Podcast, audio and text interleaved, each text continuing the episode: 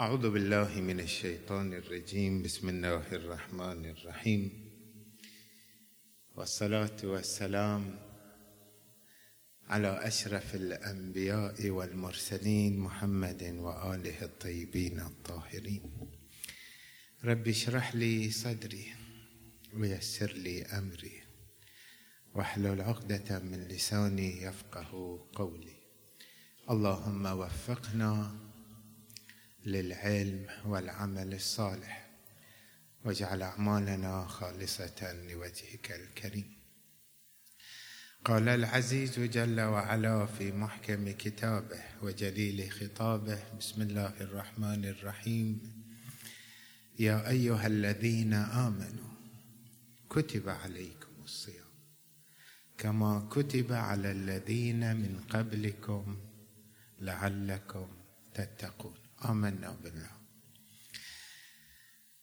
في مستهل شهر رمضان أبارك لكم أيها الكرام ولمراجعنا العظام ولسائر المسلمين والمؤمنين التوفيق لإدراك شهر رمضان مرة أخرى. هناك أحبة كانوا معنا هذه السنة. أو في السنوات الماضية حرموا أيضا من هذا الشهر العظيم. أسأل الله لي ولكم ولموتانا الرحمة والمغفرة. هناك علاقة قوية بين العبادة بشكل عام وبين البناء الروحي والمعنوي والسلوكي للإنسان. هذه الآية آية الصيام إشارة أيضا إلى هذه الحقيقة أن الصوم كسائر العبادات لها تأثير مباشر على الارتقاء الروحي والمعنوي للإنسان.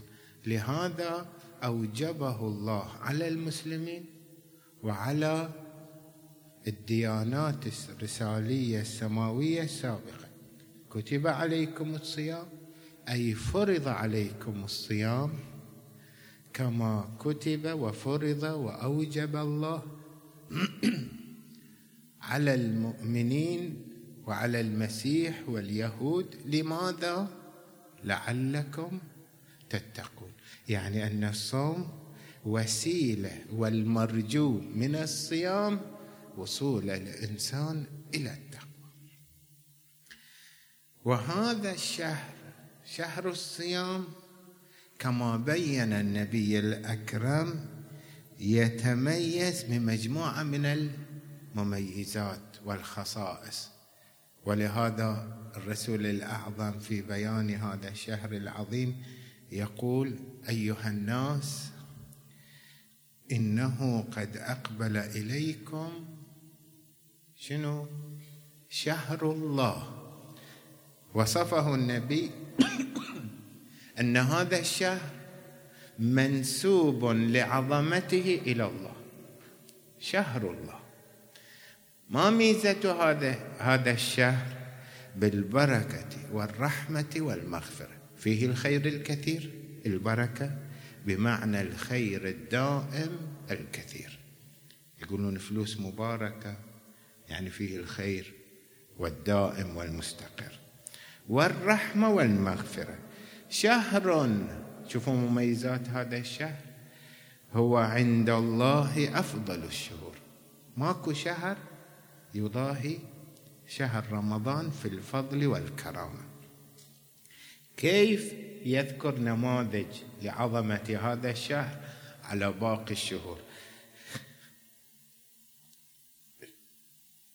وأيامه أفضل الأيام ولياليه أفضل الليالي وساعاته أفضل الساعات. وهو شهر هو شهر دعيتم فيه إلى ضيافة الله. محتاج نوقف. الدعوة قد تكون زمانية وقد تكون مكانية. أن تذهب إلى بيت الله الحرام وتنال من فيوضات المسجد الحرام يكون تذهب. بس مو كل واحد يوفق. إمكانيات ظروف صحية غير ذلك موانع ما يوفق. أهله مرضوا وغير شيء ما شاكر ما يقدر يروح. فلازم البركة يكون شنو؟ أن تكون هناك. عند الحسين الدعوة تحت قبته. مستجابه هذه ألطاف مكانية. ولكن ميزة هذه الضيافة أنها زمانية. أنت تدخل في هذه الضيافة الربانية من دون مؤنة. مجرد أن يستهل هلال شهر رمضان أينما كنت وبأي حال كنت تدخل في الضيافة الربانية من دون اختيار.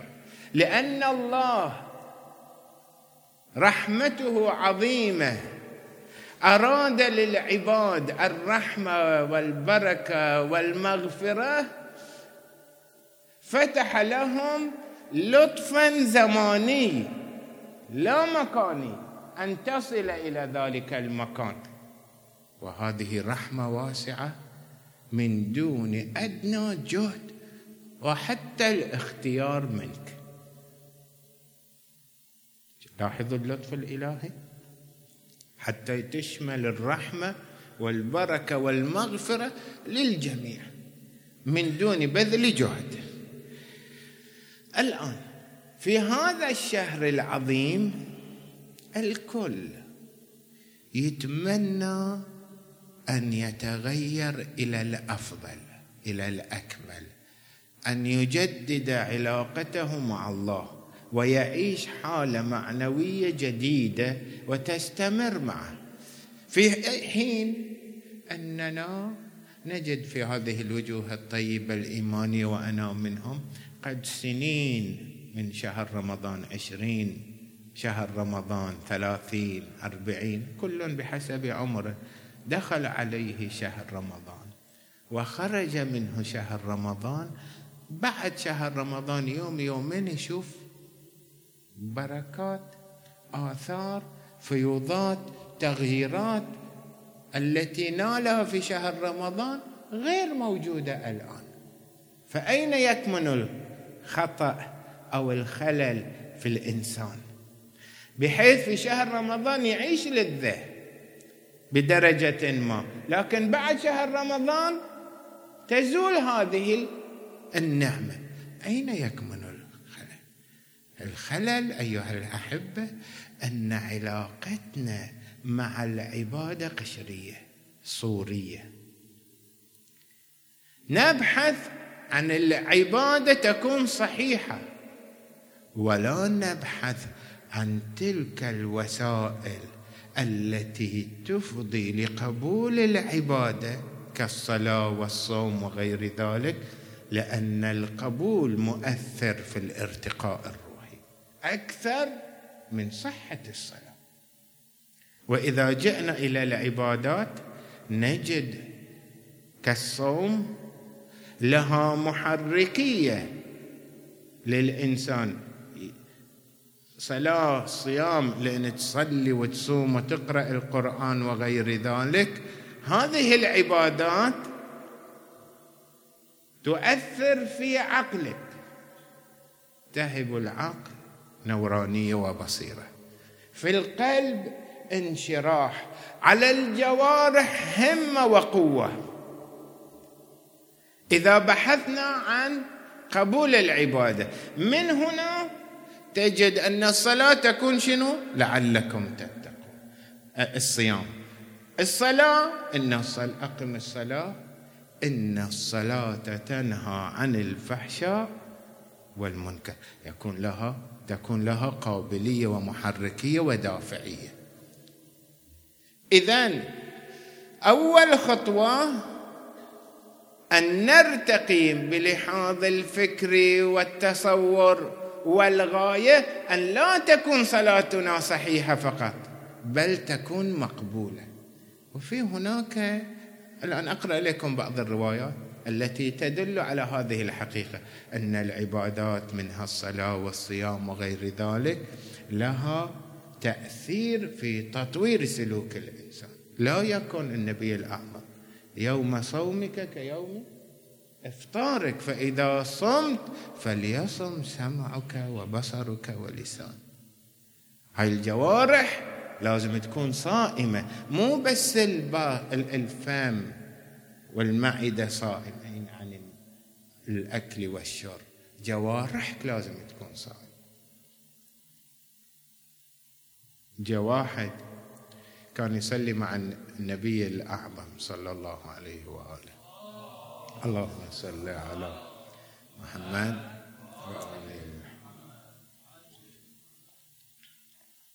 كان إنسان يأتي بالفواحش في الليل وفي النهار مع النبي الأكرم يصلي جماعة. فشكوا إلى رسول الله. يا رسول الله هذا الشاب بتعبيرنا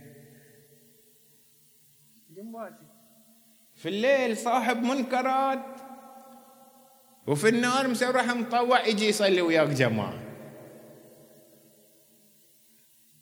فقال دعوه وليش إن صلاته ستنهاه عن الفحشاء والمنكر.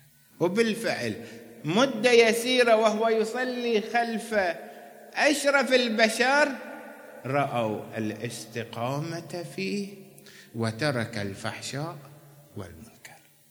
أنا وأنت ليش نصلي وساعات نرتكب معصية؟ صلاتنا لم تكن كاملة. ولهذا شنو؟ تصدر منا الفواحش والمنكر الإمام الصادق عليه أفضل الصلاة والسلام.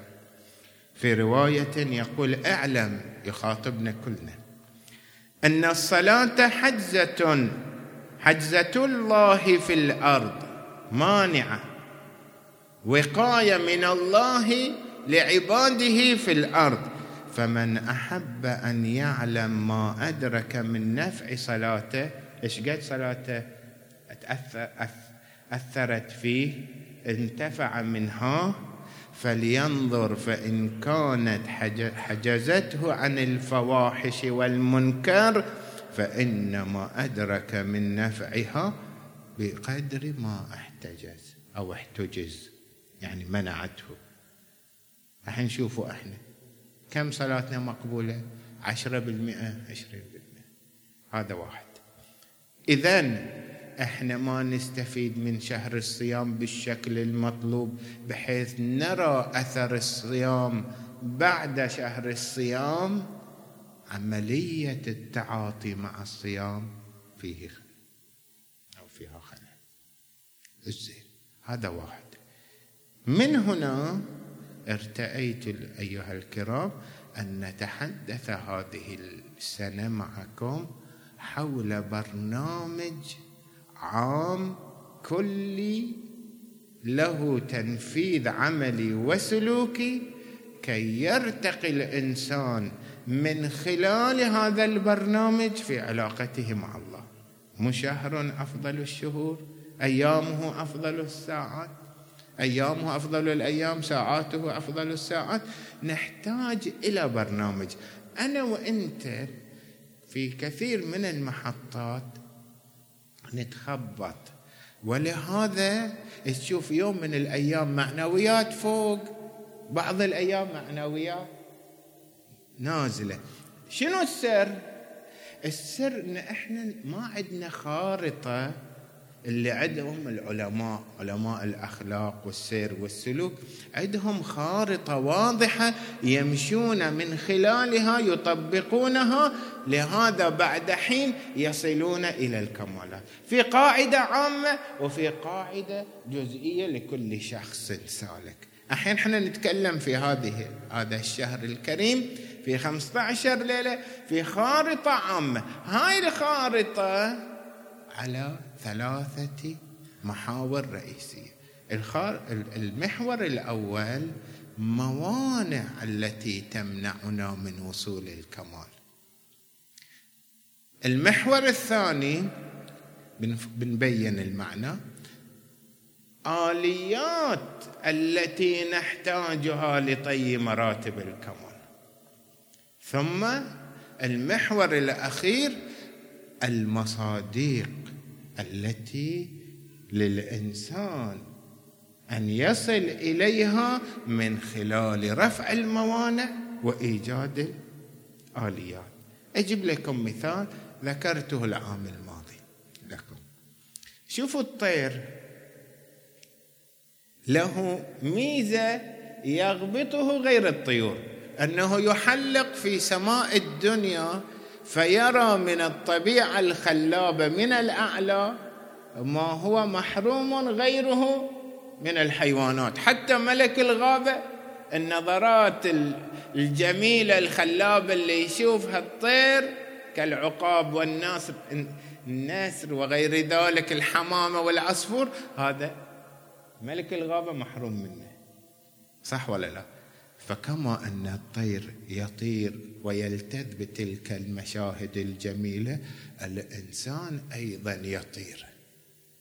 ولكن في سماء المعنويات ويعيش لذة معنوية يغبطه أهل الدنيا والمتلوثين بالمعاصي. لهذا نحن نغبط الأولياء كشيخ بهجت أين وصل وأين نحن؟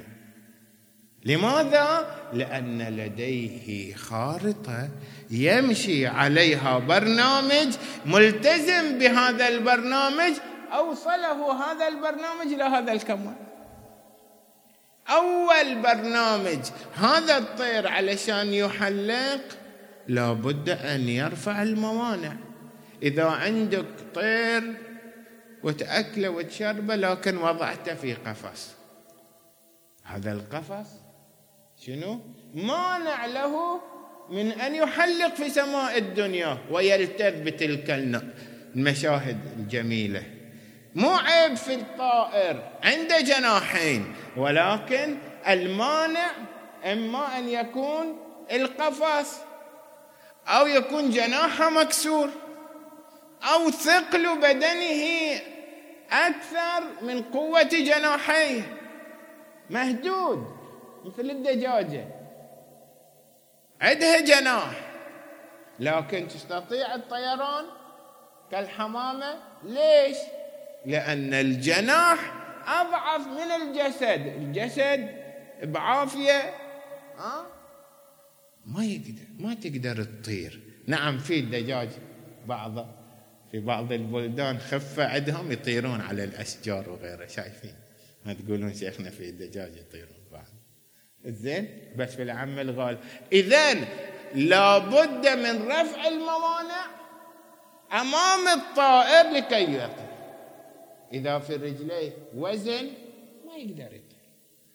أنا وأنت أيها الكريم هناك من الموانع العامة التي تمنعنا من الطيران في سماء المعنويات. ما تلاحظون أجيب لكم من حياتكم وحياتنا اليومية.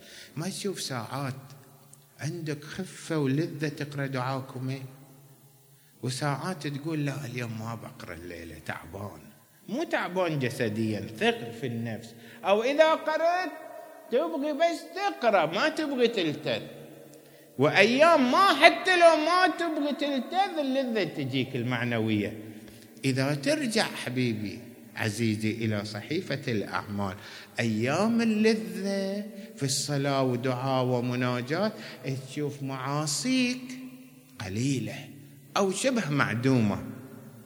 ولهذا أعطيت هذه النفحة. أيام التي تجد ثقل في امتثال العبادة وتجسيدها واللذة فيها شنو؟ في غيبة في مزحة غير مناسبة في نظرة محرمة في سلوك منحرف. عوقبت من خلال تلك المسألة وذلك الفعل إلى حرمان التلذذ بين يدي الله سبحانه اذا هناك موانع تمنعنا من الطيران. ثم علينا ان اذا هناك ليس فقط مانع واحد. هناك موانع متعددة إذا أردت أن تحلق أو أحلق في سماء المعنويات لا بد من إزالة كل هذه الموانع. يكفي أن يكون هناك مانعا واحدا أتساهل فيه كي لا أحلق في سماء المعنويات. يعني إذا الطير مو في القفص جناحه مكسور. ما يقدر يطير. جناح سليم ولكن جناحه أضعف من بدنه. أيضا. أو في رجليه عائق وثيق. اذا ليس هناك مانع. ونحن أيضا في عنوان عام. الموانع ما لم نزيلها من صحيفة أعمالنا وأفعالنا وسلوكنا حتى لو كنت غافلا عنه سيبقى مانع يمنعني من أن أطير في سماء المعنويات. بعد هذه الموانع التي من يوم الغد إن شاء الله سوف نشير في خمس ليالي حول الموانع نتكلم. وبيان الطرق يعني ميزة إن شاء الله هذه المحاضرات حينما نتكلم عن الموانع وخطورة هذه الموانع نتكلم عن الطرق التي تفضي للتخلص من هذه الموانع. كي يكون برنامج عملي مو مجرد محاضرة في نفسها. ثم نأتي إلى الآليات. الآليات الوسائل التي تساعدني في أن أحلق في سماء المعنويات. مثلا أي أرتقي في علاقتي مع الله؟ لا يكفي أن لا يكون هناك مانع. لابد أن يكون عندي جناحين أطير بهما. صح ولا لا؟ الآن هاي الجناحين في سماء المعنويات مجموعة. ما لم تهتم في تقوية هذه الوسائل لن تطير. كما لو كان كما في الدجاجة. عندها جناحين لكن الجناحين شنو؟ مو في قوة الجسد. ما يطير الله يرحمه. الشهيد مطهري يقول هناك من المؤمنين إذا جاء وقت العشاء أكل كثيرا. يضرب بالخمس. ويقعد ساعة وساعتين دردشة. وينام ويبغي يقعد لصلاة الليل. شلون يتحسن؟ معدة مليانة مرهق. حتى لو قمت ثقل المعدة وتعب الجسد يمنع من شنو؟ من الخشوع. تبغي تحصل خشوع ولذة يكون عندك برنامج. تنام خفيف. وتنام بمقدار الميسور. الله يرحم الشيخ بهجت. يقول ترى صلاة الليل مو فرد مشكلة كبيرة اللي إحنا نتصورها. هو بس تنظيم وقت صلاة وقت النوم نرتبه بدل ما تنام في الليل مثلا ست ساعات سبع ساعات تنام أربع ساعات وتعوضها في النوم. كل شيء ماكو. إحنا مفقد لا في مانع. مثل ما ذكرنا ساعات أنا قاعد وما أصلي. شايفين؟ لا يقولون لي روح مشي إلى المنطقة الفلانية. حلو بارد أروح مشي. مو تعبان لكن الروح تعبانة. جاء الرجل إلى أمير المؤمنين قال إني حرمت صلاة الليل.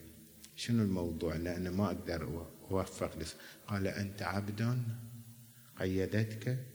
ذنوبك. أنت مثقل بالذنوب. ارفع المانع لكي توفق. الزين الأمر الآخر. شفتون الطائر؟ اليوم بس فهرسة عامة إن شاء الله بكرة ندخل في التفصيل.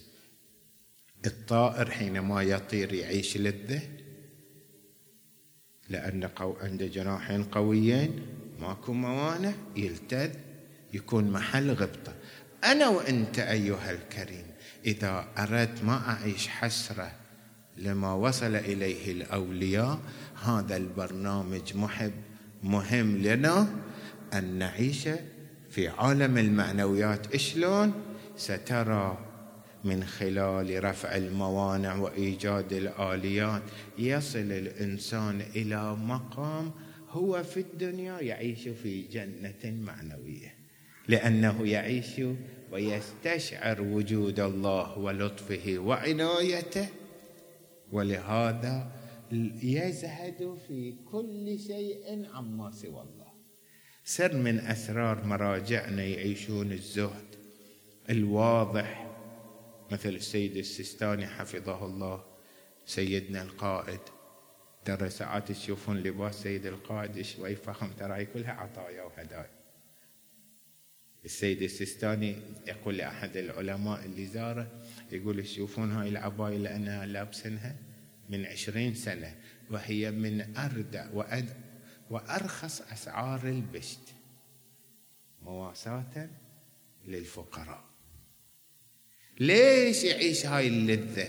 زاهد عنده الأموال ولكن يزهد في هاي. عنده لقب وشهرة مرجع المسلمين. يزاهد لولا أن يسخر هذا في طاعة الله. لماذا؟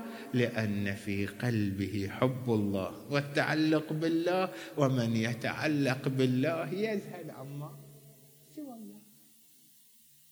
إن شاء الله ليلة غد سوف نشير إلى أهم هذه الموانع وطرق التخلص منها وأكتفي بهذا المقدار واستغفر الله لي ولكم وصلى الله على محمد وآل محمد.